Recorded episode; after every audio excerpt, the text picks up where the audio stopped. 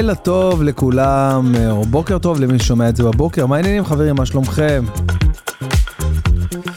אתם על uh, פרק 18 של uh, יומן מלחמה אופטימי. Uh, כן, זו המהדורה. וואלה, לא דמיינתי שיגיע לפרק 18. הטלוויזיה מדווחת על 20 ימי לחימה ברצועת עזה, במדינה שלנו. איך עוברים עליכם הימים, ימי המלחמה? איך אתם חווים את זה, חבר'ה? איך אתם חווים את זה? הדבר שהכי מפחיד אותי זה שמתחילים להתרגל למשהו. שהשגרה מופרת באיזה משהו הזוי, ואז ההזוי הופך לשגרה. זוכרים את הקורונה?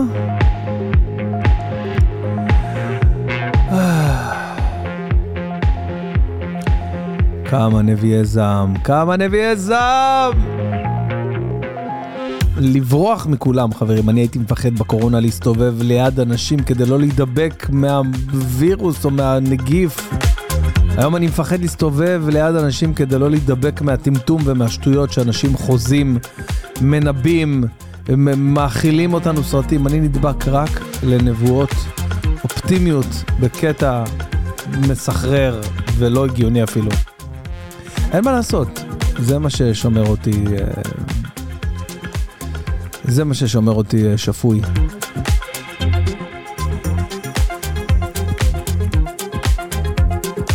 יום גדוש עבר עליי היום, אה, נסעתי עם ישראל קטורזה, המכונה קטורזה.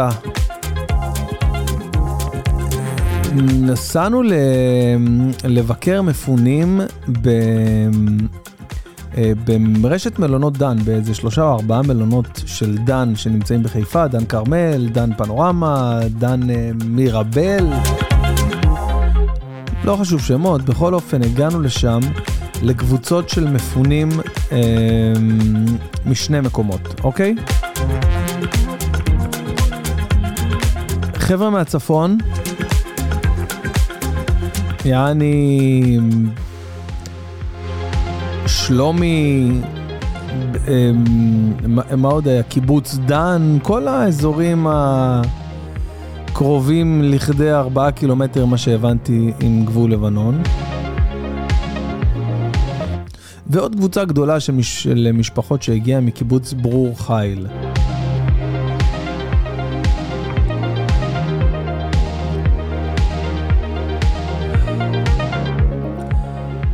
עכשיו, אה, שלא תמיד לא נכון, אני לא רוצה שהדברים שלי יצאו אה, איכשהו אה, מהקשרם או לא נכונים או לא מובנים כהלכה. מדובר באנשים ששפר עליהם גורלם, והם מבחינתם, תראו, כל בן אדם שמתבקש לקום ולעזוב את ביתו, לא משנה מה הוא חווה לפני, יוצא מאזור נוחות. אנחנו מבינים את זה, נכון? אבל uh, ברוך השם שלא דומים פניהם של אלו שעזבו מהצפון, נכון לעכשיו, לאלו שפונו uh, מהדרום. עם כל הזוועות וכל מה שהחבר'ה האלה עברו, והם עברו, uh, ורואים את זה על העיניים שלהם. רואים את זה על העיניים שלהם, נפגשנו עם אנשים ש... שהחזיקו ידיות של ממ"ד שעות ארוכות, אם אתם מבינים למה אני מתכוון. אמ, וגם נפגשנו עם אנשים שהגיעו מקיבוץ דן אמ, לבית מלון, חופשה אה, בכפייה, מה שנקרא. והם פשוט, אה, כל המשפחה באותו חדר, פחות או יותר, אוקיי? כל המשפחה באותו חדר, זה נגיד ארבעה, חמישה נפשות, ב, אה, חמש נפשות בחדר אחד, ו... שזה וואחד תיק, אוקיי? עכשיו, אני, עניין אותי, אם המשפחות של המפונים בבתי מלון, האם הם יכולים אה, להתלונן על משהו? מה קורה עם הרום סרוויס שלי? למה, למה הוא לא מגיע? מה, מה הדיבור? מה הסיפור?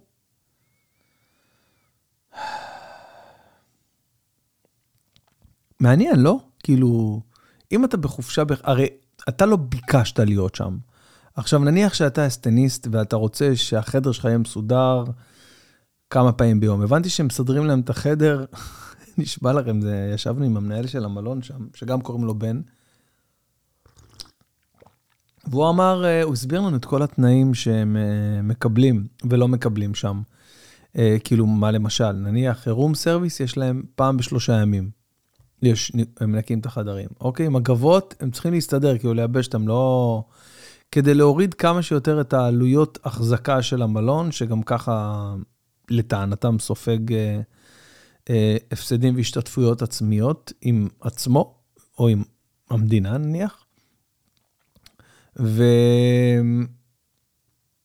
ומצד שני, האוכל גם, אה, יש איזה downgrade אה, קטן בחדר אוכל.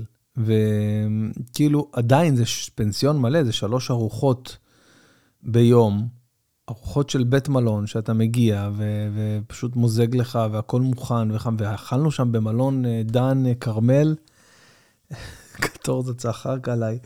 איזה חומוס טעים, יואו, איזה חומוס טעים. ממש, באמת, הם אמרו לי, תשמע, חומוס פה ממש פצצה, ובאמת, אכלתי והיה לי טעים, וסיפרתי לקטורזה,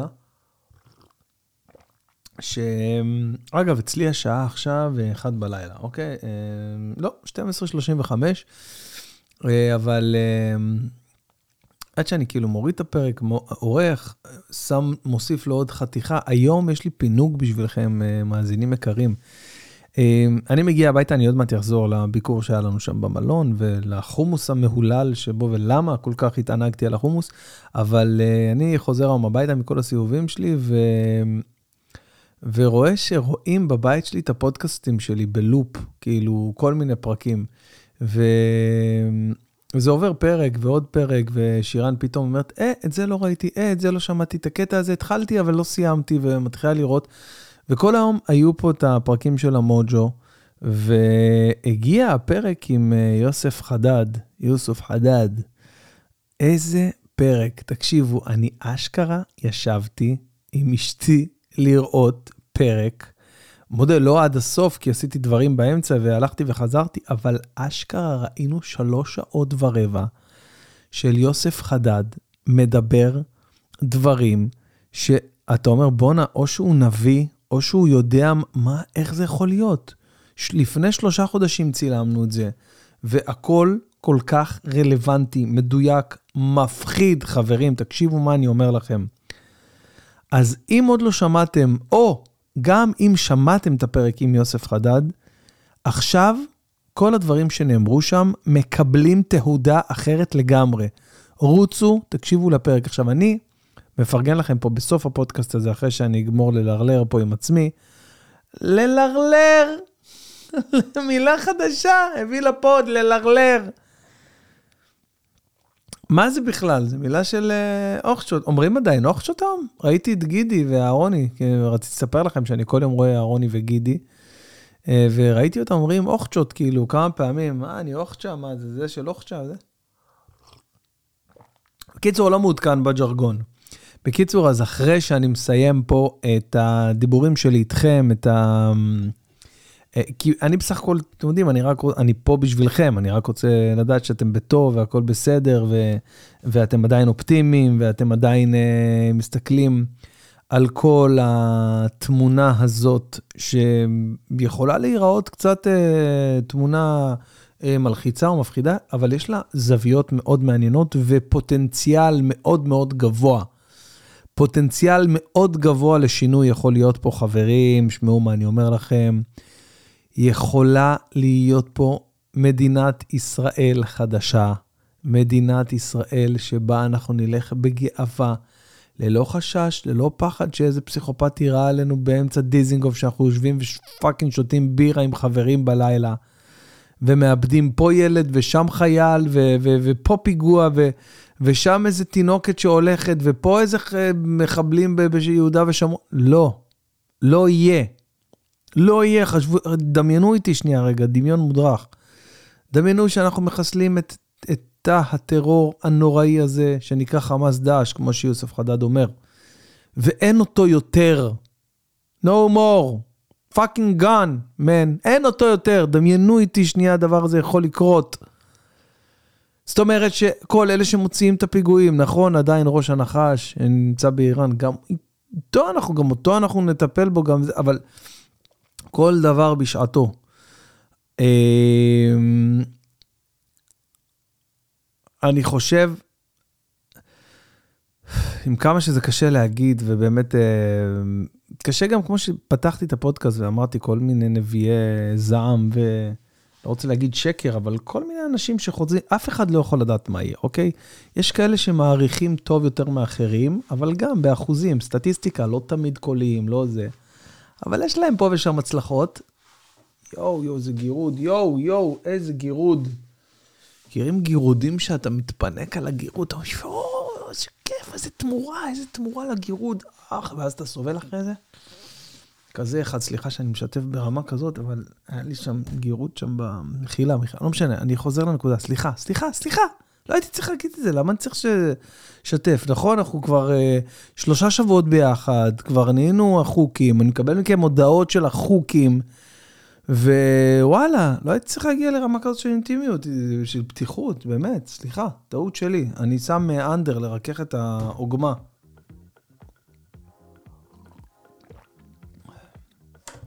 זהו, רוקחה. בכל אופן, איפה היינו? היינו ב, אה, ב, ב, בקטע של לחשוב איזה מדהים יכול להיות פה, אוקיי? להתרחק מנביאי זעם, להתרחק אה, מנביאי אימה, אוקיי? תהיו אופטימיים. אז אני פה בשבילכם, אני פה לשמור על האופטימיות הזאת, אני פה ללוות אתכם, את התהליך הזה, שאני מאוד מאוד מאוד מקווה וסמוך ובטוח ומתפלל ורוצה, מתפלל, באמת, חבר'ה, מתפלל, מתפלל, הולך כמה שאני יכול למניין. בעיקר בערב, כאילו, מנחה וערבית, אני לא מצליח את הבוקר. הייתי בשבת בבוקר בתפילה, אבל ב, ביום חול, אה, בדרך כלל, או רוב הפעמים, אנחנו מתפעלים באיזה מניין של שש, שש ורבע כזה עם החסידים שם. חסידים זה מניין של אה, אשכנזים קרליבך. אה, אני אספר לכם סיפור. היינו נוסעים כל שנה, כמעט כל שנה, כאילו אני הייתי מצטרף פעם ב- אבל כל שנה בחנוכה, כל החבר'ה שלי פה מה, מהמועבד של העיר פה, מהחברים הקרובים פה, כולנו גרים קרוב אחד לשני, כמו איזה קיבוץ. היינו טסים לאומן. עכשיו, כשאני אומר היינו טסים לאומן, יש מצב שסיפרתי את זה כבר, יש תחושות כאילו סיפרתי את זה כבר. למה אני מרגיש כאילו סיפרתי? לא נורא. לפעמים אה, חוזרים גם קצת על סיפורים. אה, בקיצור, אנחנו נוסעים לאומן, ורגע, אני נזכר שלא... לא סגרתי את, ה... את הסיפור עם החומוס שם, והזה, והטעים, ארוחת צהר... לא, לא משנה. אה, אז אני רק אסגור את הסיפור, ואז אני אספר לכם על אומן.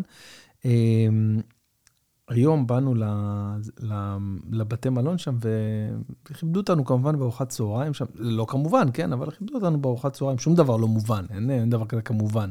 כמובן, כן, כמובן. כיבדו אותנו החבר'ה שם ממלון דן, אה, דן כרמל בארוחת צהריים מגניבה לאללה, שמגישים גם לכל המפונים, כמובן. אה, אין דבר כזה כמובן, באופן כללי, כן? לא מובן גם למפונים, זה גם לא מובן להם, נכון. אוקיי, ואז אה, החומוס באמת היה טעים ונורא התלהבתי ממנו, אבל, אבל לא בגלל שהוא היה כזה יוצא דופן ומיוחד, יותר בגלל שאני עכשיו, יש לי איזה קטע כזה, איזה מנהג, אה, שאני רואה אהרוני וגידי אה, במסע המופלא, המסע המופלא של אהרוני וגידי, אוקיי? ואני אשכרה התמכרתי לדבר הזה. מכירים את זה שאתה עושה משהו וחוזר עליו כל הזמן, או שומע איזה שיר ספציפי מסוים בתקופה מסוימת, ואז שהדבר הזה עובר, או התקופה עוברת, אז uh, פתאום כשאתה שומע עוד הפעם את השיר, או עוד הפעם את הסרט או את התוכנית, אתה נזכר אז באותם ימים. היה לי את זה בקורונה עם uh, פולו אנד פן. מכירים את הצמד די-ג'אים ההזויים האלה? אז היה להם שיר שקראו לו זום זום זום זום זום זום זום זום זום זום זום זום זום זום זום זום נה ני נה ני. אם אני שומע עכשיו את השיר הזה, אוקיי? אני, מבחינתי עכשיו קורונה, אוקיי? מבחינתי עכשיו העולם במשבר שכנראה האנושות נגמרת פה, אוקיי? כאילו, אני מדבר איתכם על מרץ 2020. שם זה היה. אתם קולטים שזה כבר שנה וחצי, אם לא יותר אחרי? איזה פסיכי. איזה פסיכי. ש... אמרתי שנה וחצי, התכוונתי שלוש וחצי שנים. טעות שלי. בכל אופן, אז uh, היה לי כזה מנהג כזה, לראות אהרוני וגידי, ואני רואה את זה בלילה. עכשיו, בלילה אני נוהג לא לאכול. עכשיו, גילוי נאות, בתקופה ההזויה הזאת אני אוכל uh, פעם ביום, וגם הגזמתי, אוקיי? כאילו... אבל, אבל כאילו אוכל הרבה. נגיד אני אוכל פעם אחת ביום, אבל אוכל הרבה. ומגיע הערב, עכשיו הנה, אני כמו שאני איתכם עכשיו פה עם הנס קפה, רק נעשה שנייה סדר, בתקופת המלחמה, הערב זה מושג אחר לגמרי, הערב זה 11 וחצי בלילה, כן? כן, ערב כאילו, מבחינתי, שמונה בערב זה ארבע בצהריים עכשיו, כל השעון התהפך. אז uh, מגיע הערב ואני כאילו אומר, מה, אני אוכל, אה, נעשה איזה נס קפה ככה, אני יודע מה, נרגיש uh, מורה ביסודי. מורה ביסודי, נרגיש מורה ביסודי, או גם בתיכון. ואגב, המפונים שביקרנו היום, עשו להם כזה בית ספר. זאת אומרת, עשו להם מתכונת לימודים בתוך הבית מלון. Uh, ואני זוכר שהייתי יושב נגיד בכיתה, סתם עם הברך כזה על השולחן, כאילו עם, רק עם הברך, עם החלק העליון של הברך כזה, מבצבץ מהשולחן. אז uh, המורה הייתה אומרת לי כזה, איפה אתה חושב שאתה נמצא? בית מלון? למה אתה יושב ככה? וזה מצחיק אם היא אומרת להם זה גם כן שם, מה אתה בבית מלון? והם כזה, כן, אתה רוצה אולי שאני אביא לך כוס קפה? והוא, כן, אם את יכולה להביא לי כוס קפה. יש בלובי, יש גם נראה לי עוגה שם, כזאת חושה. אז uh, זה הזוי לראות ילדים שנקלעים לסיטואציה כל כך מוזרה של ללמוד בתוך איזשהו קונפרנס uh, רום כזה בבית מלון, ו, והם פשוט, מבחינתם, זהו, הם מתרגלים לזה אוטומטית. ילדים מתרגלים לדברים בשניות. בשניות. התחילו לימודים אצלנו פה. עכשיו התחילו לימודים, כאילו, מתכונת, אה, אה, חצי מתכונת, לא יודע, משהו כזה, יום כן, יום לא, לא יודע, אבל בכל אופן היה אתמול לימודים. ואימא שלי מתקשרת ואומרת לי, נו, שלחתם? שלחתם אותם? כן, הוצאתם אותם ללימודים? הוצאתם אותם למסגרות, לבית ספר? אז אמרתי לה, אמא, אני עדיין במשא ומתן להוציא אותם לכיוון הסלון, אוקיי? מהממ"ד, אחרי זה אני אוציא אותם לכיוון המרפסת, ואז אחרי זה נוכל להוציא אותם ללימודים. הילדים שלי כל היום בממ"ד, איזה לימודים? What are you talking about? איזה לימודים?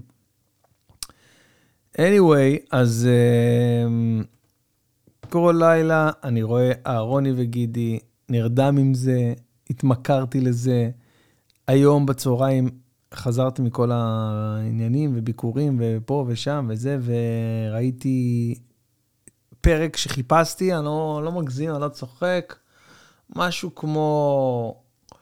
אה, של... ארבע שנים חיפשתי את הפרק הזה ספציפית. זה, מסתבר שזה פרק 2 בעונה 6 של אהרוני וגידי, והם מטיילים שם בכל איטליה, ו, וממש אה, דרום איטליה, מערב איטליה, סרדיניה, כל מיני אזורים, הם, הם היו במרוקו. תקשיבו, זו תוכנית מטורפת, מטורפת, מטורפת. באמת, באמת, והדינמיקה שם, גידי גוב וישראל אהרוני, זה חיבור כזה מיוחד, וואי וואי. כזה מיוחד. אני אגיד לכם למה אני אומר את זה. ישראל אהרוני היה אצלי בפודקאסט, אוקיי? עכשיו, full disclosure, גילוי נאות חברים. ישראל אהרוני היה פרק הפודקאסט, ואני מקווה שמר ישראל אהרוני לא מקשיב לפודקאסט הזה ספציפית, אבל בינינו, חבר'ה, אנחנו כבר משפחה, אנחנו מי ששומעים אותי פה, מי שמקשיב לי. ישראל אהרוני היה הפרק שהיה לי היה לי פשוט הכי פחות נוח להקליט, הכי פחות, הכי פחות כיף. אני אגיד לכם למה. קודם כל, אה, אני חייב להודות שהוא מקסים, אוקיי? הוא באמת בן אדם מקסים, הוא באמת בן אדם טוב, אוקיי? אבל הוא גם, וזה בעיניי מה שמדהים בו, הוא לא יבוא וינסה להתחבא ולהתנחמד, אין לו את הארץ ישראליות הזאת ב-DNA שלו, זאת אומרת, של החוקים. ואני הרגשתי איתו כמי שאני לא יודע למה הוא בכלל הסכים לבוא לפודקאסט שלי, שאני חושב על זה. קודם כל, זה היה מהפרקים הקצת ראשונים, אני חושב פרק איזה 40 או 30 או 40, משהו באזורים האלה, 50 אולי. לא, אפילו לפני. ו... והוא פשוט, הוא פשוט היה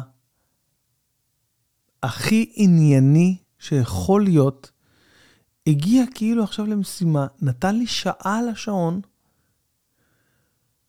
וכאילו, כשעברה השעה, הוא כאילו, כל שאלה ששאלתי, הוא ענה ממש ממש בקצרה, ממש במדויק. זאת אומרת שאני הייתי צריך להיות, זה לא היה פודקאסט, זה לא הייתה שיחה עכשיו, כמו שאני מנהל עם כל אחד. זה פשוט היה, הוא חשב שהוא מגיע לאיזשהו רעיון, שאני אשאל אותו שאלות והוא יענה לי ויספר על דברים שהוא עשה וקרו לו בקריירה. וזו לא המהות של פודקאסט, זה לא מה שאני עושה, זה לא מה שאני עושה במוג'ו. אני עכשיו מזמין את יוסף חדד. נכון, ברור, ברור שהוא יבוא וידבר על האג'נדה שלו, ועל העמותה שלו שהוא ממנכ"ל, ערבים זה לזה, והוא ידבר על, ה, על ה, כל, ה, כל תפיסת העולם שלו, ו, וכל מה שהוא חולם ומייחל לעשות פה במדינה. זה ברור שהוא ידבר על זה. אבל לצד ולאורך ובין, ושזור בכל כך הרבה נושאים אחרים שיצוצו ויעלו משאלות שיצוצו ויעלו לי, אני לא מכין שום דבר. גם לישראל אהרוני, ומזל שהכנתי כמה שאלות בסיסיות לישראל אהרוני והם נגמרו לי אחרי ארבע דקות. ואני יושב מול בן אדם שאני שואל אותו שאלה והוא עונה לי בארבעה משפטים, ואני צריך עכשיו, תוך כדי ארבעה משפטים, לחשוב איך אין שקט בפודקאסט וזה לא מביך. וניסיתי להצחיק כמה פעמים, להקליל את השיחה. וזה לא עבד. אני סיפרתי את זה אה, ל... לאשתי, לבחירת ליבי שירן, סיפרתי לה את זה, כאילו מיד אחרי הפודקאסט, ואז היא אמרה לי, וואי, זה מעניין מה שאתה אומר, אתה יודע? אה, דווקא כאילו זה הווייבים שחשבתי שהוא, אבל מעניין שאתה כאילו, אני גם לא הבנתי למה הוא בא לפודקאסט. ואז יום אחרי היא שמעה את הפודקאסט, והיא אמרה לי, תקשיב, אני לא יודעת על מה אתה מדבר, זה היה נשמע כאילו אתם... אה, הם, הכי זורמים, הכי משתפים פעולה, הכי מחויכים, הכי צחוקים. אבל עוד הפעם, זה מתחיל ונגמר בתחושה העצמית שלי. אוקיי, זה לא שעכשיו אני אה, מנסה להגיע לאיזה רף מסוים, ואם לא הגעתי אליו, אז יש מספר או אמת מידה שאני יכול להגיד, יצא לי 7.35. לא, זה בתחושות שלי. הרגשתי את זה ממש, והיה לי קשה עם זה. long story short, אני רואה אהרוני וגידי, ואני נזכר בדינמיקה שלי עם אהרוני, ואני מדבר איתכם בתור בן אדם שמסתדר עם 98% מהאוכלוסייה במדינת ישראל, ערבים, ישראלים, צ'רקסים, שומרונים, ולא מצליח להגיע לבן אדם. ומאידך, אני רואה את... אה, מה אני שומע פה? אה, זה דחסן של הזבל למטה. אה, מאידך, אני רואה את החיבור ואת הדינמיקה בין, אה, בין גידי גוב לאהרוני. אני אסביר לכם, אני אסביר לכם מה אני מזהה שם. בתור אנתרופולוג שבסך הכל מתעניין בדברים כאלה, אוקיי? אני רואה את אהרוני כמעריץ את גידי גוב, שמרגיש שהתמזל מזלו שהוא בכלל חולק איתו מסע, אוקיי? חולק איתו תוכנית טלוויזיה. בנוסף לזה, מוקסם מהאופי הטבעי והכל כך אנושי והכל כך אמיתי של גידי גוב, שלא מנסה לעשות שום משחק whatsoever. הוא זה הוא, ככה הוא, ככה הוא מגיב אם טעים לו, ככה הוא מגיב אם מגעיל לו, ככה הוא מגיב אם אין לו כוח ללכת, ככה הוא צוחק אם בא לו להתפרץ בצחוק. ולהגיד לישראל, כמה אנחנו הולכים, זו תוכנית אכילה, לא הליכה. ונקרע מצחוק, וזה מקסים בעיניי. ואהרוני מעריץ את זה. במקביל, הם חברים, אתה רואה כבר שהם אחוקים ממש. ויש שם כמו הפכים כאלה של השוטר הטוב והשוטר הרע, כאילו לא במונחים של שוטר, אבל כאילו הארוני הקליל והיודע וה... וה... והזורם אה, וה... איזה עוד... איך אני יכול להגיד? זה כאילו משהו שחייב לראות. אני רואה באמת עכשיו פרקים, אני ממש כאילו שם, מחפש כל לילה פרק של אהרוני וגידי, וזה ממש ממש ממש בית ספר מבחינתי, בקשרים בין אישיים, וגם מעניינת אותי מאוד התוכנית. ואני קצת קיניתי ביכולת הזאת של, אה, אה, טוב, בואו, זה גידי גוב, כאילו, עדיין, אחרי הכל זה גידי גוב, אבל כאילו איך הוא מגיע לישראל בקלות. בקלות כובש אותו, פעם אחר פעם, כל דבר שהוא אומר. כל דבר שהוא אומר, מדהים בעיניי.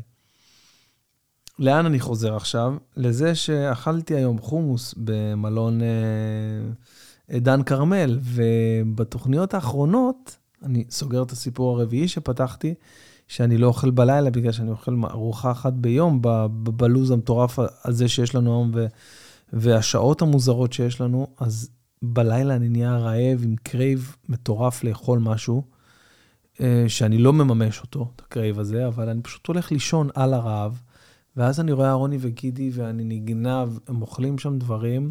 רוב הדברים שהם אוכלים זה פשוט אה, להקיט בפה, כן? להקיט הנשמה, זה כאילו בלתי נתפס, ואני לא מצליח להבין, כאילו, איך, אה, בתור בן אדם בכלל ששומר כשרות, אה, 90% מהתוכנית לא רלוונטית לגביי. אבל נניח היום, לצורך העניין, היה מתכון ב... ב איפה זה היה? באיטליה לדעתי? ב, כן, ב... אזכור את השם של העיר. אבל uh, היה מתכון שמבוסס על בוטרגה, שזה ביצי דגים. מכירים את הביצי דגים שאוכלים בבית כנסת? על הבוקר? עם ערק? רק בא לי, נשבע לכם, בא לי אחרי ביצי דגים. מה אני עושה עם עצמי? תגידו, מה אני עושה אחת בלילה? בן אדם קרב לביצי דגים. עם אה, כל מיני חתיכות של טונה וכמה סוגים של ביצי דגים, אה, בורי וכאלה וזה, ו... וספגטי למעלה, ורוטב עגבניות, ועגבניות שרי, משהו נראה כאילו מטורף, וזה גם כאילו כשר, זאת אומרת, זה, אתה, אתה יכול לאכול את זה. אז יש פה ושם כל מיני דברים כאלה. יש נגיד אה, אה, אה, כל מיני מאפים או בצקים, פשוט בית ספר ל... ל- ל- להבנת, הבנה קולינרית באופן כללי. והם מטיילים במקומות, גם בארץ, הם היו בסוסיא, מי שמכיר, יישוב אה, בדרום הארץ, ל... נראה לי בדרום הר חברון, משהו באזורים, בעולמות האלה, יישוב מנותק מחשמל. אני מניח שגם אין שם וי-פיי. איזה וואי וואי, חובצים שם חמאה, עדיין חובצים בנוד שעשוי מעור של חיות בגודל של משהו הזיה, הזיה, הזיה, הזיה, הזיה, הם, הם, הם חולבים את העזים, כאילו, אני, מה שמגניב אותי, זה אוכל טבעי. הבנתי את זה, הבנתי, פשוט הבנתי. מדהים אותי אוכל טבעי. זאת אומרת, עכשיו, אנחנו מנגבים חומוס, אני מת לדעת, הייתי מת לדעת איך עושים חומוס. עכשיו, עזבו שנייה לקחת uh, טחינה גולמית ולערבב. לא, אחורה עוד, איך עושים טחינה גולמית? הגרגירים של החומוס, איך כותבים אותם? מתי זה, איך, כמה זמן לוקח לגדל אותם? את הכל. את הבסיס הזה, זאת אומרת, לדעת שמעין אתה עושה יש, יש מאין. הבנתם את הביטוי? כאילו מכלום אין כלום, אתה לוקח עכשיו זרעים, משקה, אה, מביא את הזרעים מאיפה שמביאים את הזרעים, ויוצר לך בעבודה קשה, בזיעת אפיך, עולם, אוקיי? חי ממנו, אתה והילדים שלך מתפרנס ממנו, וגם אה, מוכר, אוקיי, מוכר, כאילו כמו פעם, אני כאילו בטוח שאני גלגול של נשמה אי שם מתקופת אברהם אבינו, אני בטוח בזה. בטוח, בטוח, בטוח. יש לי כיסופים וערגה לתקופה הזאת משום מה, ואני משוכנע שפעם הייתי חקלאי. היום חבר טוב בשם אמירם טובים אמר לי, תשמע, בא לי לעזוב הכל, לטוס לקוסטה ריקה לעבוד בחקלאות. אמרתי לו, אחי, count me in, אני איתך, אחי. אני איתך, אני בא להיות חקלאי. קטורזה היום בדרך חזרה אומר לי, תקשיב, מלא אה, אנשים מ, אה, מהדרום, יש להם אה, מטעים, וכל התאילנדים ברחו. הם מפחדים פה מהמלחמה, ברחו, אין להם עובדים.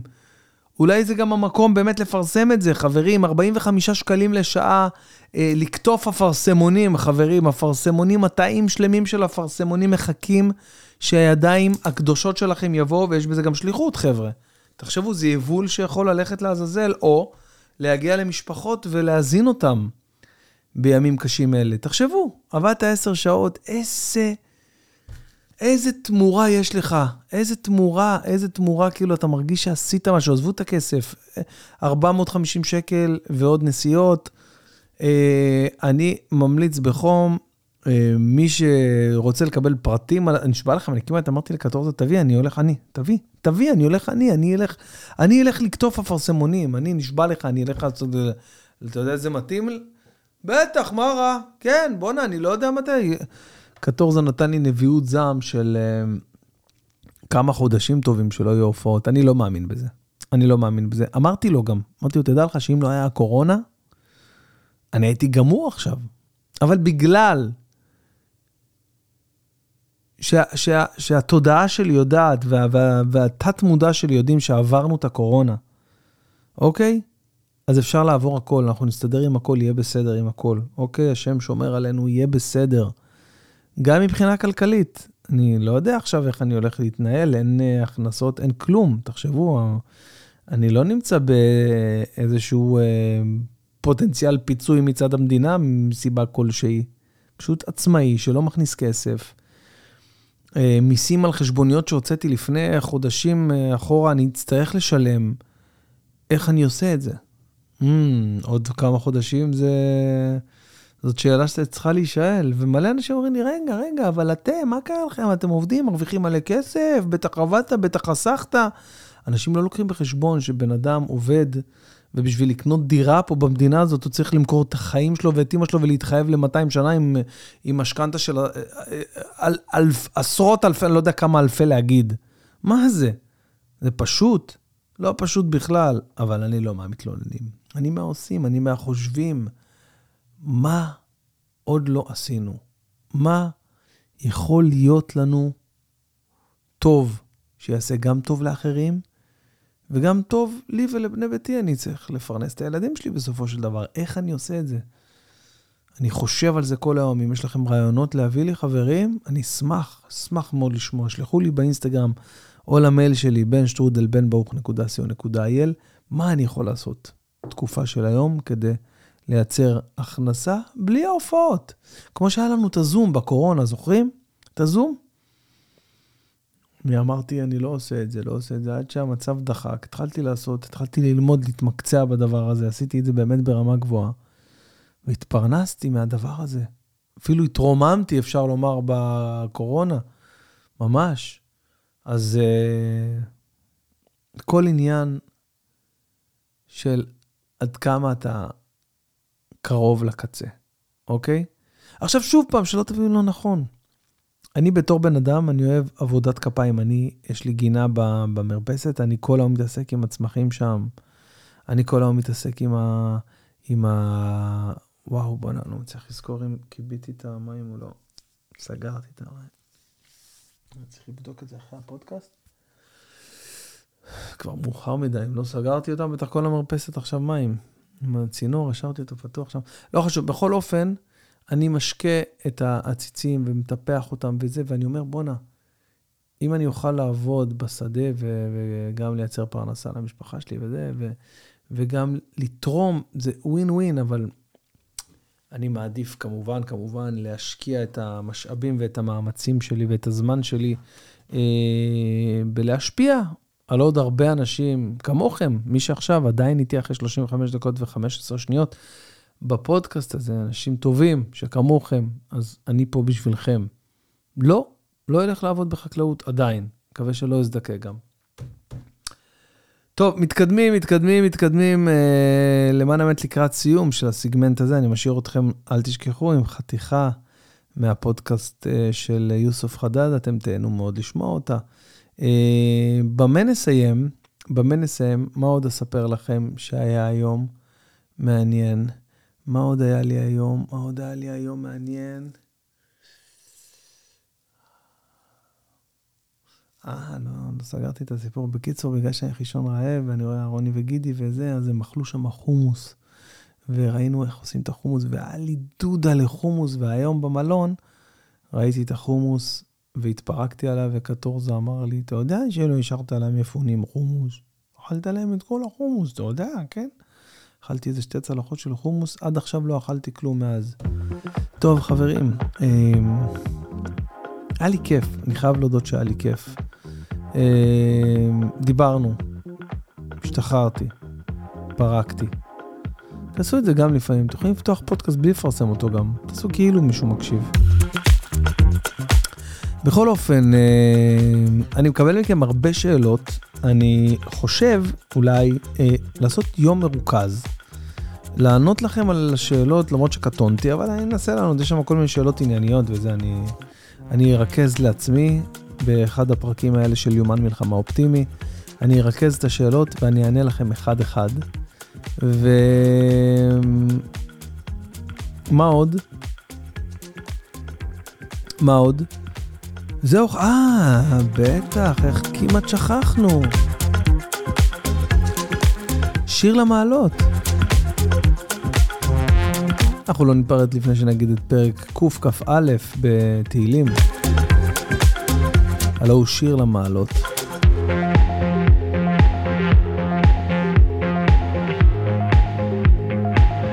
יהי הצלחת הפרק הזה, יהי הפרק הזה להצלחה עבור כל חיילי צבא ההגנה לישראל ולהשבת כל החטופים והשבויים הביתה, אמן.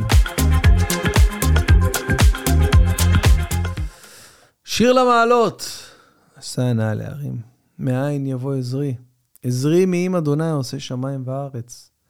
אל יתן למות רגליך, אל ינום שומריך. הנה, לא ינום ולא יישן שומר ישראל. אדוני שומריך. אדוני צילך על יד ימיניך, יומם השמש לא יככה וירח בלילה. אדוני ישמורך מכל רע, ישמור את נפשך. אדוני ישמור צאתך ובואך, מעתה ועד עולם.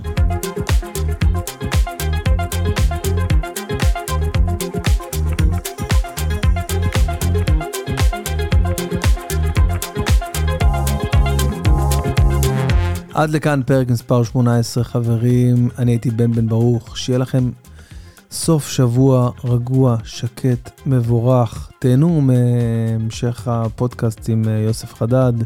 אה, את שאר הפודקאסט תוכלו כמובן לשמוע או לראות ביוטיוב, ממליץ לכם בחום. שם לכם פה חתיכה. תהנו, שיהיה לכם לילה טוב. אז אה, בוקר טוב, יוסף חדד היקר. בוקר טוב, אהלן. מה שלומך, איך אתה מרגיש? אלחמדוללה. אלחמדוללה.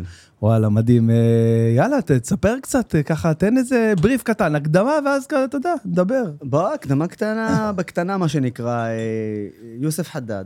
אוקיי. יליד העיר חיפה. אוקיי. העיר המעורבת הכי גדולה בארץ. נכון. אה, אבל בגיל שלוש אה, הוריי אה, עברו לנצרת, שזו העיר הערבית הכי גדולה בארץ, אגב, מבחינת האוכלוסייה, מבחינת השטח. אוקיי, מבחינת האוכלוסייה, כן. מבחינת השטח, רהט היא הכי גדולה. קל. קל. כן. ואני חושב שזה מצחיק, כי אני תמיד מספר על ה... גם כשאני מדבר עם אנשים על הדרך שלי, בטח ובטח שואלים אותי, למה, למה אתה עושה את מה שאתה עושה, ואיך בכלל התחלת לעשות את כל מה שאתה עושה? ואני תמיד מזכיר את חיפה, mm-hmm. את נצרת ואת ההורים שלי. למה? כי העיר חיפה והעיר נצרת והחינוך של הוריי עיצבו את האישיות שלי למה שאחר כך בא במשך השנים ועד הלום, מה שנקרא. אה, זהו, כיום, כיום... אני כן. רק, אני רק חייב לעצור אותך, רק להגיד לך שכאילו, לפי הפריים שלך, זה נראה כאילו זכית עכשיו, תן לו רגע את הפריים אה, שלו. זכית, תראה, תראה, זכית בגביע העולם, ואתה בא להסביר איך זכית בגביע העולם. ומה... אוקיי, אני לא יודע אם התחלת להקליט לפני. לא, לא, אנחנו... לא, אני אסביר לך למה. כי אני לקחתי את הגביע משם, נכון, אה, והבאתי את זה לפה. כי, שמע, אני... זה- זה- זה- טוב, אני מתחבר לדבר הזה. זה- כן, איך אפשר שלא? שמע, איך אפשר שלא? אי אפשר. זה היה אחד הגמרים הכי מטורפים, ואחרי זה אמרתי, אני חייב, אה, סתם, שיהיה לי תזכורת כל פעם, כל בוקר שאני בא, לדבר הזה. אז רגע, אה, ו- סבבה, שיהיה תזכורת, אבל נשים אותו שם. רגע, רגע, ו- ו- ותגיד לי, ותגיד לי, אה, אה, ראיתי שיש לך תמונה של אה, מסי, שהוא נכון. זוכה ב... מה זאת אומרת, הייתי שם. היית שם. בטח, הנה, תראה, מה זאת אומרת? מה, לא לא? לא רואים אף פעם, הנה, בבקשה. לא יאללה. הייתי שם, אחי. גדול. הנה, בבקשה. ענק. בבקשה, הייתי שם, תן, הנה, בבקשה. הנה אני, חבר'ה. איפה... הנה אני. רגע, אבל צריך- אבל צריך להגיד את זה, שהיה לך היה לך סיכוי להגיע לשם היה לי באמת. סיכוי תיאורטי בלבד, תיאורטי, איפה, איזה סיכוי? איפה אני ואיפה סיכוי להגיע? חייב- חייב- אני חייב לשאול אותך על זה. כן. מה דעתך על אה, מה ששמו על מסי? אה, איך זה נקרא? אה, יש לזה שם כזה. זה גלביה, גלביה זה- כזאת, אוקיי. אה, אני לקחתי את זה דווקא, אני שמעתי הרבה ש- אה, שיוצאים על הדבר הזה, כאילו, אה, כפו עליו, כן. הכניסו, שמו את זה עליו בלי להכין אותו וזה. וואלה, מבחינתי זה, זה היה מגניב, כאילו, כן. זה, זה גם היה יפה בעיניי, אתה יודע, זה לא שזרקו עליו, זה היה יפה כזה, שחור עם זהב כזה, מלכותי. מלכותי. מאוד יפה היה בעיניי. אהבתי. זה שכאילו אולי, אולי זה כן היה מתוכנן, אנחנו לא יכולים לדעת, אולי אמרו לו, תשמע, אם אתה זוכה, אתה שם את זה, הוא מבחינתו היית אומר לו, גם אם אתה זוכה, אתה שם קרבולת, הוא היה שם הכל. תן לי רק את הגביע. גם במקסיקו שמו להם סומבררו. נכון, נכון, נכון, נכון, מקסיקו 70. אה, אה, נכון, צודק, חיים. גם אז שמו להם אה, משהו שמאפיין, אני חושב שזה דווקא סבבה. כן, וגם- שיש לנו את התזכורת הזאת, כי אתה רואה את מסי עכשיו ברגע הזה של הזכייה, אז הוא מובדל מכל שאר החברים בקבוצה בגלל אותה ג'לביה. יפה. אה, בעיניי זה יפה. אני, אני מסכים איתך, אני באמת אה, חושב שלקחו את זה יותר כזה לביקורתי של... אה, מה ש... אגב, חלק מה, מהתגובות, לא הרבה, ממש לא הרבה, אבל חלק, היו גם בתגובות אה, גזעניות, שאתה יודע, אני שמעתי כל מיני אה, כאלה ותגובות כאלה ואחרות, אבל אה, בשורה התחתונה, באמת, אני חושב שזה אפילו כיבד כזה את המעמד. נכון, ו... מגניב. ואחר כך הוא הוריד את, ה... את הגלביה והלך והמשיך עם החגיגות שלו, אז הכל בסדר, הכל בסדר. צריך לקחת את הדברים ביותר כן, קלות. אנשים תמיד יהיה להם מה להגיד, לא משנה מה תעשה, תביא גביע העולם, אחרי שכולם יגידו ש...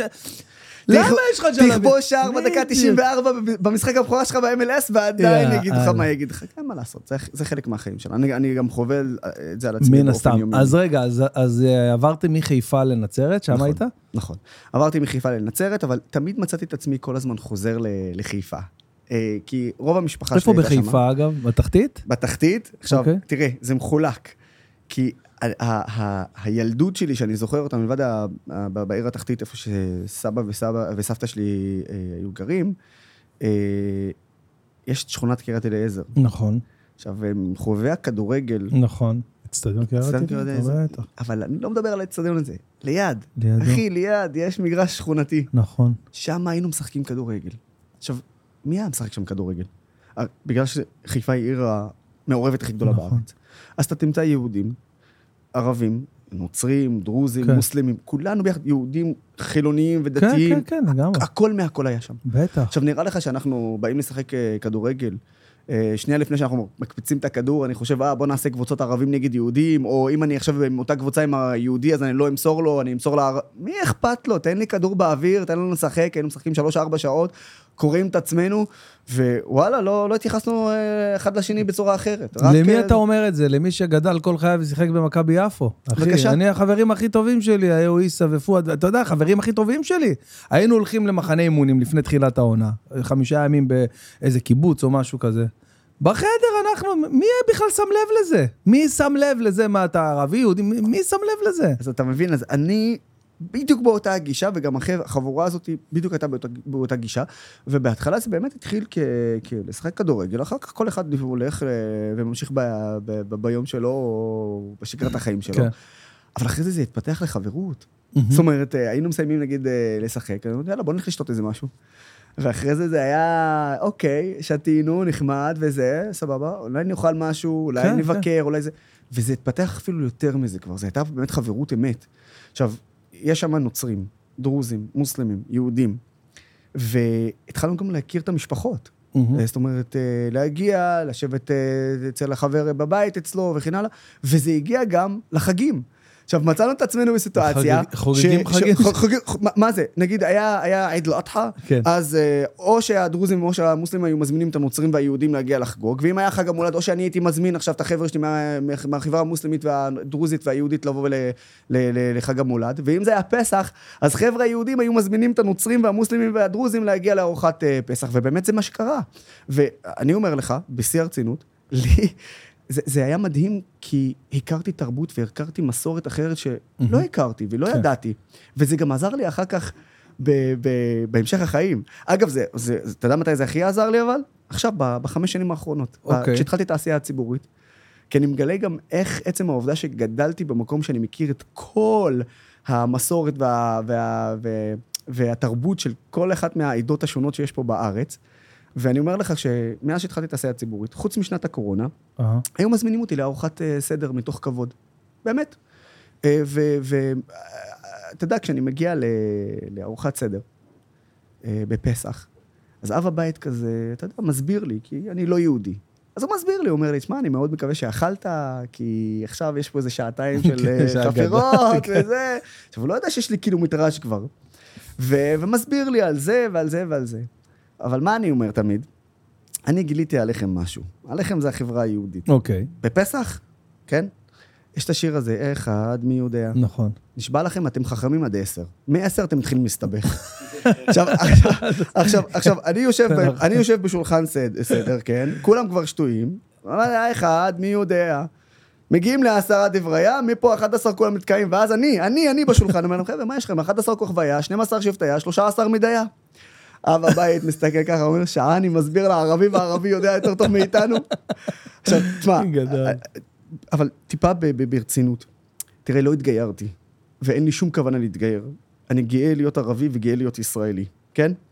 אבל עצם העובדה שאני מכיר את התרבות ואת המסורת של עדות אחרות, אה, קהילות אחרות, זה אפשר לי לגשר על פערים בצורה יותר טובה. כי כשאתה מכיר את התרבות ואת המסורת של האדם מולך, והוא מכיר את התרבות ואת המסורת שלך, הרבה יותר קל לגשר על הפערים האלו. מהמם, וזה מהמקום שלי, אני לא רוצה לערבב בין התרבויות ואת המסורת. מהמם. אני רוצה שאתה תכיר את התרבות שלי ואת המסורת שלי, ואני רוצה להכיר את התרבות שלך ואת המסורת שלך. בעיניי זה חובה, ככה, אם אנחנו חובה. גרים ממש ככה שכנים. אגב, מה עוד? שפה. שפה הכי כל חשוב בעולם, יהודי, הכי כל חשוב יהודי בעולם. בארץ ישראל צריך לדעת את השפה הערבית, נכון. וכל ערבי בארץ ישראל צריך לדעת את השפה העברית, נכון, נקודה. חד משמעי, עם זה. אני מסכים. ואני מצטער, מה זה מצטער שלא הקשבתי יותר בשיעורי ערבית, או שלא סתם, אתה יודע, למדתי לבד. הלכתי ללמוד ספרדית לפני שאני יודע ערבית במדינה שלנו, וזה נכון, זה צריך את זה. ב-2001, 2002, בדיוק לפני, אה, בשלהי האינתיפאדה אוקיי. השנייה. היה- לא פשוט, היה לא פשוט התקופה הזו. ואני זוכר שאני וחבר טוב שלי, אה, לקחנו אוטובוס, קו 331, מ- 332, סליחה, מנצרת אה, לחיפה. הלכנו והתיישבנו במושב האחורי. אוקיי. מלפנינו ישב בחור יהודי. עכשיו, אני וחבר שלי מדברים בערבית, אוקיי? הבחור היהודי באמת חמוד. אין לי, אני אומר לך בשיא הרצינות, גם בצורה שהוא אחר כך פנה אליי, הכל נעשה באמת בסוג של תמימות. אוקיי. ושים לב מה קרה. אנחנו מדברים בערבית, והבחור, שוב תזכור, שלהי האינתיפאדה, האוטובוסים התפוצ- התפוצצו, זאת אומרת, כן. אני גם יודע כן, גם כן. להבין את הזווית או הצד, האחר, אני גם אוהב להסתכל גם מהצד האחר, להבין מה ואיך איך כן אפשר תמיד לשפר ולקשר על פערים. אז פונה אליי הבחור היהודי, ומסתכל ככה עליי ואומר לי, תגיד, אני יכול להגיד לכם משהו? אז אני עונה לו בערבית, תפאדל, שזה בבקשה. יאללה. אז הוא אומר לי, אני, אני קצת מפחד. אמרתי לו, למה אתה מפחד? הוא אומר לי, לא, כי אני שומע אתכם מדברים בערבית, ואני כל שניה חושב שהאוטובוס עומד להתפוצץ. וואו, מה אתה אומר? עכשיו תראה, לאורך כל השיחה שלנו גם עכשיו, אתה תשים לב שאני משתדל כמה שיותר אף פעם לא להיעלב, לא לקחת דברים ב, ב, בצורה אישית, וגם אם כבר קורה מצב כזה, לדעת איך ל, ל, ל, לסובב אותו ולקחת אותו למקום של לחנך, או להראות צד אחר. צד אחר. כשהבן אדם אומר לי, אני מפחד שעוד שניה אתם תת- תתפוצצו כי אני מדבר בערבית, אז אמרתי לך, אני מסתכל גם על הזווית מהראייה שלו, שאוטובוסים התפוצצו כן. בתקופה הזו, על שמאל ועל ימין. אבל איך הרגשת באמת? אז זהו. פה הרגשתי ומפה תמיד הבנתי שכבר בגילאים האלו, יש לי את הדרייב הזה לא להיעלב ולא להיות מתוסכל ולא להתעצבן, אלא ל- ל- לקחת את ההזדמנות הזאת ולהפוך ממנה משהו ל- למשהו חינוכי ומלמד. ברור שצבט לי, משקר לך אם לא. אבל באותה הזדמנות הסתכלתי עליו ואמרתי לו, אתה רוצה לשמוע משהו מצחיק? אמר לי, מה? אמר לי, אם היית מבין ערבית, לא רק שהיית חוש... לא, לא היית חושש, נכון. היית כבר ככה, עומד, יושב ככה על, על הכיסא, עם חיוך על הפנים, ואתה עושה ככה. אתה יודע למה? כי על מה אני וחבר שלי דיברנו? גם על, על זה כשעלינו לאוטובוס, הנהג הסריח כאילו לא התקלח שלושה ימים, וזה שיש שני ספסלים קדימה מדבר בטלפון, כאילו עכשיו איזה ספיקר בהפגנה, כן. ועל זה שאנחנו ברחוב העצמאות, ולחיפאים בינינו, מה שנקרא, יודעים מה זה רחוב העצמאות דאז, קילומטר אחד שאתה יכול להיתקע שם בפקק של שעה. על זה אנחנו מדברים. אז הבחור ככה מסתכל עליי, אומר לי, וואלה, אתה צודק, אני מתנצל. הסתכלתי עליו בחיוך עוד פעם, אמרתי, אל תתנצל, תלמד ערבית, תלמד ערבית. זה יעזור. האמת שזו שפה קלה, אתה יודע? כן, זו שפה קלה. יש גם הרבה דברים גם שהם אה, דומים. מאוד דומים, כן, זה- זה... כלב, שפה- כלב. כן, כן. לא, לא, באמת, אה, אני עכשיו אה, משפץ בית וזה, אז יש אצלי חבר'ה שם, תקשיב, אני, אני מרגיש כאילו אני יכול לדבר איתם, אני כאילו מרגיש- לי, אתה יודע, ואתה יודע שאם אתה מדבר איתם ועוד בערבית, נשבע לך, אנשים חושבים, אוי, לא, רגע, מה אתה... אם אתה מדבר ערבית, לא עכשיו ה... יא סחבי, וואחד חומוס, טינין קולה, צ'יפס, לא, זה לא ערבית. כן, ערבית זה... זה ערבית זה- ספרותית. לא, ממש לא. ערבית המדוברת. מדוברת. אבל לא ה... יש את, המדו... יש את המדוברת ויש את ה... מה שחושבים בחברה היהודית היא מדוברת. כן. שת... שתי צ'יפס אה, חומוס וסלט זה לא מדוברת. זה לא מדובר. זה אוקיי. לא. המדוברת זה סבח אל-חיר, שו אל-אחבר, כיף אל-חאל. אה, איזה בתעמל מערוף, אם בבקשה, אתה יכול להכין לי כך, לעשות כן. כך, אם אפשר עזרה פה, דברים כאלו. אה, ואגב, זה עוד סיפור יש לי על השפה הערבית, יושבים אה, מהתקופה האחרונה, כן? אוקיי, יושבים בשווארמה בנצרת, אוקיי. אני יושב עם כמה חבר'ה, אני רואה שמשפחה יהודית נכנסת לשווארמה. רואים, אי אפשר כן. לפספס. האב הבית ניגש לדוכן, עכשיו אתה מצפה שידבר בעברית. בום. דבר ערבית אפילו יותר טוב ממני. והערבית המדוברת, מה שנקרא של הרחוב. איזה מגניב. אני מסתכל על הפנים של המוכר שווארמה, אתה רואה אותו, משתנה. כאילו, מעריך את זה. מערכת. שם לו יותר בשר ממני. אתה מבין? אבל... אז ספר, ספר לי רגע, לי ולמאזינים ולצופים, אה, איך בעצם הכל התחיל? אתה אה, מזהה שיש לך חיבור לחברה הישראלית, לחברה היהודית יותר, אה, כאילו, אולי קצת מעבר, אתה מגיע לצבא, איך זה קורה בעצם? אני חושב שהגעתי לצבא כיוון שמה שהיה ב... בעיר חיפה ובמגרש הכדורגל השכונתי ובחבורה הזאת ששיחקנו שם כדורגל, זה משהו מדהים. כי כשהכרנו לא התייחסנו לאחד לשני כיהודי ערבי, אהה. פשוט כבני אדם. כן.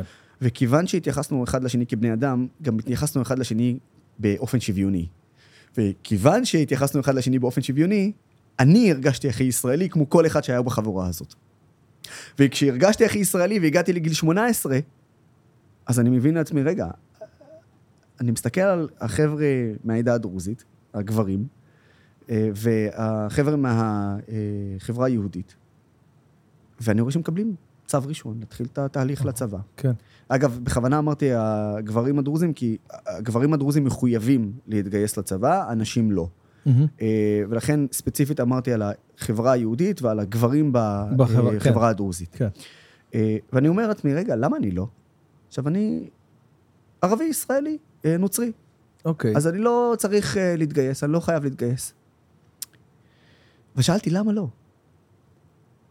ובנקודה הזאת, אני התחלתי את אה, תהליך הגיוס שלי. למה? מה הראשי תיבות של צה"ל? צבא הגנה לישראל. אה, זה לא צבא הגנה ליהודים? מהמם. אבל אני, אני בכוונה אומר לך את זה כן. בצורה כזו, כי כשצה"ל מגן על מדינת ישראל, צה"ל לא אומר, רגע, שנייה אחת, אני הגן רק על 80% מתושבי מדינת ישראל. יש לך גם 20 אחוז שהם תושבי מדינת ישראל שהם לא יהודים, ערבים ישראלים. יש לך דרוזים, נוצרים, מוסלמים, יש לך גם צ'רקסים, יש לך גם בעיים. אה, אה, אה, אה, זאת אומרת, יש לך גם לא מעט עדות קטנות שאנחנו בדרך כלל לא מזכירים ולא מדברים כן. עליהן. ובתוך הצבא, למה חסר? חסר גם גיבורים מהעדה הנוצרית, המוסלמית והדרוזית. חסר? יש. וכשחמאס וחזבאללה והג'יהאד האסלאמי, ובטח ובטח איראן שמגבה את כולם, תוקפים את ישראל, הטילים שלהם וההתקפות לא עושים הטרור... הבחנה מי- בין, אה, בין, יש, יש, יש, זה חקוק, זה כתוב בדם. זה מספרים שכתובים בדם. אתה מבין מה אני אומר? בטח. וכשאני החלטתי להתגייס, לא הייתה... אנשים אומרים לי, רגע, יופי, אז לקחת את החבורה שיש לך, וה... אבל מה קורה בחוץ? אז הנה אני אגיד לך, גזענות יש במדינת ישראל, אפליה יש במדינת ישראל. ולפני ששנייה כל אחד קופץ על זה ש... אה, על מה אתה מדבר? תראה לי גזענות. חבר'ה, יש. אבל זה לא רק בין יהודים וערבים. למה חסר גזענות בין יהודים ליהודים? נכון. וחסר גזענות בין ערבים לערבים? וואללה, אם אני אתחיל עכשיו לפתוח סיפורים על גזענות בתוך החברה היהודית ובתוך החברה הערבית, לא נסיים. אבל, איפה, למה אתה הולך רחוק, אחי? לך לבית כנסת. אה. בית כנסת, אחי, זה תראה ספרדים אשכנזים. זה שונה. אני, כן. אני כבן אדם מתפלל את התפילת ערבית שלי בבית כנסת של אשכנזים, קרליבך. כאילו, אתה יודע, הכי ארטקור של, שיכול להיות, עם כל הניגונים והשירים האשכנזים, ולמחרת מתפלל בבית כנסת ספרדי. וכן, אתה רואה, גם יש גם במנהגים שונות. אז אה, זה נכון. לגמרי, זה קיים. ואגב, זה- העניין הוא שגם זה מפריע. הבנתי שזה, שאנשים מסתכלים ואומרים, לא, המנהגים שלנו יותר והמנהגים כן. שלנו... עוד פעם, הדברים האלה קיימים, אבל מה, מה, מה אני מחליט לי, על מה אני מחליט להסתכל? שקודם כל, גם אם המנהגים האלו קיימים, הם קיימים בתוך באמת מיעוט. הבעיה היא שהמיעוט הוא קולני קולני, נכון. ומפחיד ומאיים. והרוב הוא לא קולני, לא מפחיד ולא מאיים, אז נוצרת אשליה שהמיעוט הוא הרוב. זה קורה בתוך המיעוט שיש בעדות השונות בתוך החברה היהודית, זה קורה בתוך המיעוט שיש בעדות השונות בתוך החברה הערבית, וזה הופך להיות בתוך המיעוט של החברה הערבית והחברה היהודית, אבל זה מיעוט. נכון. זה החדשות הטובות, החדשות הרעות, הרעות שהמיעוט הזה הוא באמת קולני ו- ו- ו- ומאיים, ואני חווה את זה על, על בשרי. אז מהנקודה הזאת תמיד ידעתי שיש. אבל מה הכוונה מסתכל- חווה את זה על בשרי? כאילו, איפה אתה... מבחינת, מבחינת מיעוט קיצוני בחברה היהודית, זה לא משנה שאני נכה צה"ל. לא משנה שאני עומד היום בחזית ההסברה של מדינת ישראל. לא משנה שאני רוצה לגשר על הפערים ולחבר את החברה הערבית אל החברה הישראלית. למה? אתה אני סופג נשאר, יש-? אני נשאר בעיניהם ערבי, ומבחינתם כל ערבי הוא מחבל. זה בתוך המיעוט אני חושב הקיצוני. שזה מיצ- מיעוט של המיעוט של המיעוט של הקיצוני, זה לא... ו- זה- ואני יכול לספר לך שבתוך המיעוט של המיעוט, ההודעות שאני מקבל מהם, לפעמים הן ההודעות הכי קשות שיש. עכשיו, זה צד אחד. מהמם. צד שני, בתוך המיעוט, גם בחברה הערבית, אני מקבל הודעות כמו למשל, אתה בוגד, אה, משת"פ, אה, זה שאני רוצה אבל שהחברה... זה אנשים שלא מכירים את את את- את פועלך, מה זה, לא? זה... לא- יש כאלה שמכירים היטב את פועלי, ועושים את זה לא רק במודעות ובכוונה, אלא זה האינטרס שלהם. אוקיי. משום שהם חלקם, מה שנקרא, מקושרים לכל מיני אישיות פוליטית כזו או אחרת, שאני אחד מהמבגרים הכי גדולים של לא מעט מהפוליטיקאים פוליטיק- בחברה כן. הערבית. אה, ויש להם אינטרס. עכשיו, אני, אני אומר לך שוב, אני מבחינתי שם את החברה הערבית הישראלית לפני עזה ולפני ג'נין ולפני רמאללה. מבחינתי נצרת, רהט, חיפה ולוד ויפו, קודם כל. ומעל הכל. ולצערי חברי כנסת בחברה הערבית, וחלק מארגונים כאלה ואחרים בתוך החברה שלי, מדברים לך יותר על עזה ועל ג'נין ועל רמאללה, למרות שאנחנו אלה שמצביעים להם. אולי עכשיו- כי זה יותר אה, פופוליסטי, אתה יודע, עכשיו, יותר... אז אני אספר לך משהו, וזה יפתיע אותך. המנהיגים בתוך החברה הערבית, יש להם אינטרסים בצורה הכי ברורה שיש, לא לעבוד למען החברה הערבית בישראל, וכן לחזק את הלאומנות הפלסטינית, כן לעבוד למען ה... אה, אה, עזה ורמאללה וג'נין, ואפילו למען הרשות, ובחלק מהמקרים גם אה, לגבות את חמאס, שזה ארגון טרור לכל דבר, יש להם אינטרס איזה מאחורי זה. אינטרסים? שמעת על, ה... על, ה... על המקרה הזה, או לא מקרה, על השיטה הזו של להשאיר חברה מוחלשת. מהמם, כן. תחש... תחשוב על זה. כן, כן, כן. כן. חברה מוחלשת זה חברה נשלטת. חברה נשלטת בהיעדר אלטרנטיבה אמיתית, תמשיך להצביע לאותם אנשים פעם אחר פעם, משום שהשתמשו בשני כרטיסים. הכרטיס הראשון זה למכור לך אשליות, שהפעם יעבדו למענך ויעשו למענך, והכרטיס השני זה הפחדה. זה או טיבי או ביבי. אגב, זה עובד גם לפעמים בצד השני, הפוך, כן? כן, נכון, אה, זה- נכון, אבל נכון. אני, אני ספציפית עכשיו מדבר כן. על החברה הערבית. ואומרים לך שאם לא תצביע לנו, לא יהיה לך קול ולא יהיה לך שום דבר. אבל בפועל הם לא עושים שום דבר. הנה, אני, אני, אני נותן לך עכשיו, לך ולכל המאזינים, כן? לכל הצופים שלנו. אני אתן לך משימה. למשל, חבר הכנסת אחמד טיבי. הוא בכנסת מ-1999, אוקיי. אוקיי? כן. מעל 20 שנה. תן לי הישג אחד של חבר הכנסת אחמד טיבי, שבאמת עזר לחברה הערבית הישראלית. לא איזה שני חוקים של ה... לתת פיצוי ל...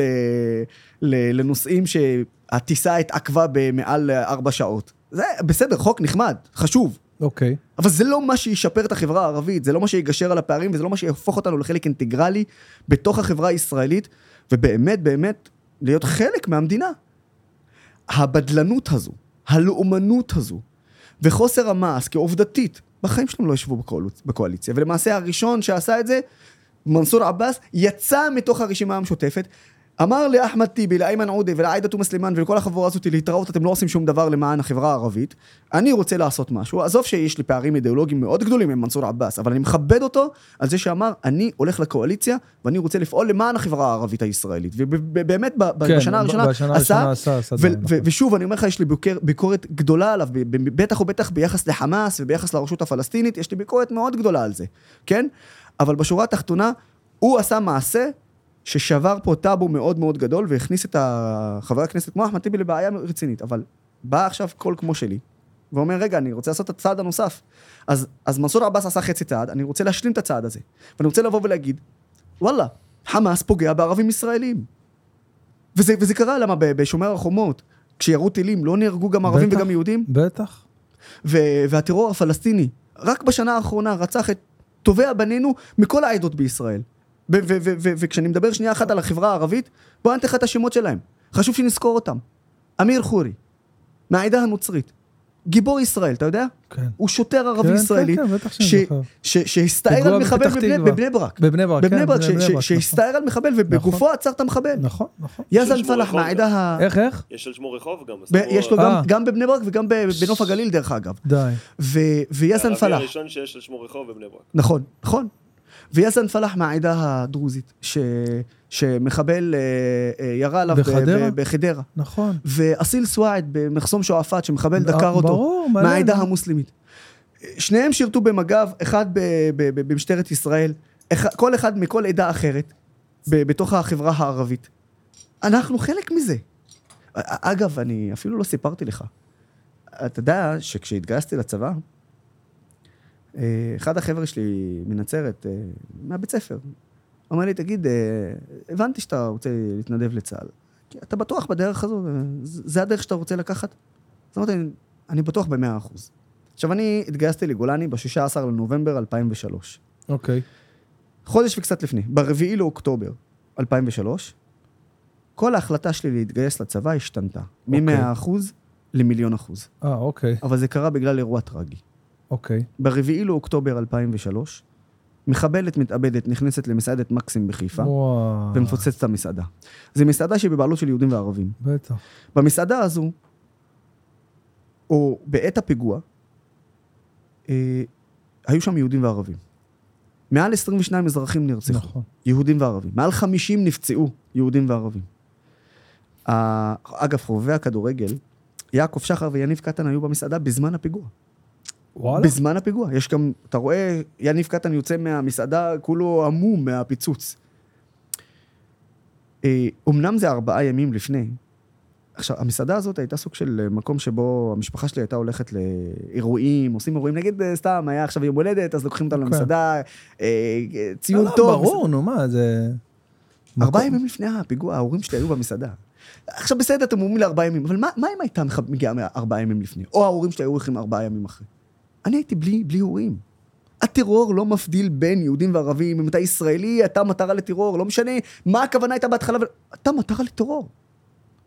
אז כש, כשהתגייסתי לצה"ל, צבא ההגנה לישראל, התגייסתי להגן על המדינה שלי ועל החברה שלי, והחברה שלי זה יהודים וערבים. ככה ראיתי את זה. ושנה לאחר מכן גם הייתי, הפכתי להיות מפקד. כן, אני יודע. ערבי, מפקד על חיילים יהודים בחטיבת גולני. עכשיו, אני אומר לך את זה... איך זה התקבל, האמת? או, אתה יודע מה? זה מדהים שאתה שואל את השאלה הזאת, כי את השאלה הזאת אני הרבה יותר מקבל בעולם, כשאני מספר את הסיפור הזה. כי אני עושה הרצאות גם, כן, ל- אני רואה, אני רואה. גם ב- ב- באוניברסיטאות כמו הרווארד ו-MIT ו-UCLA, אה, NYU, וואו. באמת אני נמצא בהארדקור של ה... של באנגלית. באנגלית, כן, וגם. אה, הרצאות פה בארץ בערבית, ובאמירויות גם, ו- ו- ובעברית גם, אה, בתוך החברה הישראלית כולה.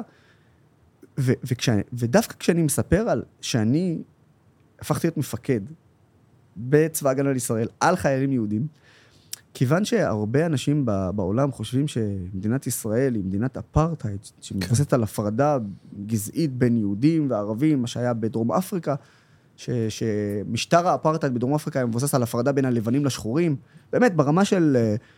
השחור והלבן לא היו נפגשים. יש לך תור מיוחד, אה, אתה, כן, אתה כן, באוטובוס, כן, כן, תור ברור. ללבנים, תור לשחורים. אה, אה, בית משפט, יש בית משפט לשחורים ובית משפט... חושבים שבישראל קורה אותו דבר.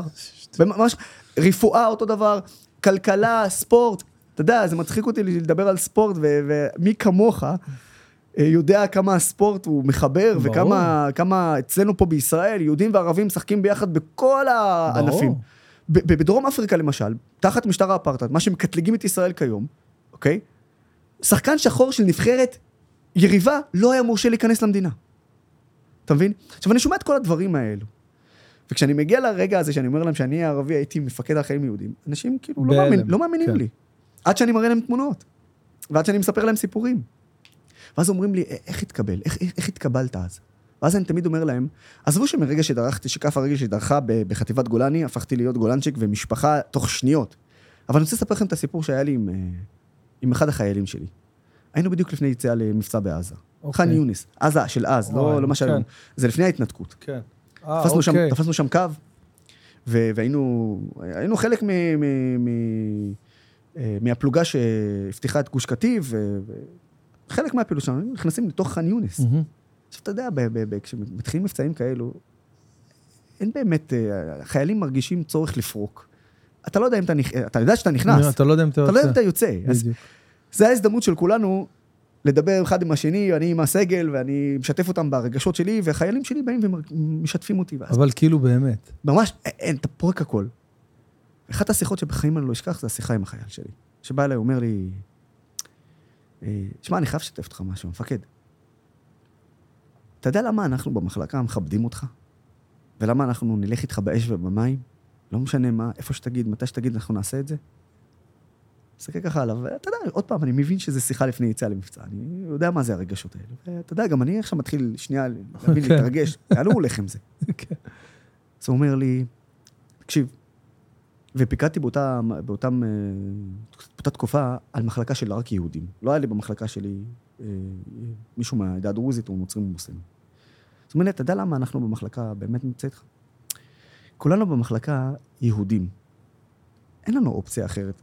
זאת אומרת, בגיל 18 אתה מתגייס, מוכרח להתגייס. אנחנו מוכרחים להיות פה.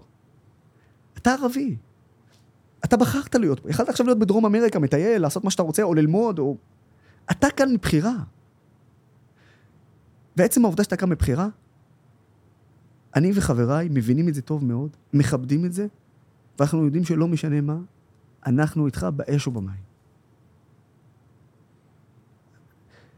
הוא בסך הכל בן 19, אני בן 20. אתה יודע, זה... אין, אין הבדלים בגילאים, נכון? בתפקיד כלום. יש. בטח. אז, אז, אז, אז אתה מבין שפתאום בן אדם בא, אומר לך את זה, ו- ואומר לך שאנחנו מדברים במחלקה, זה, זה נוגע לך, זה, זה עושה לך משהו.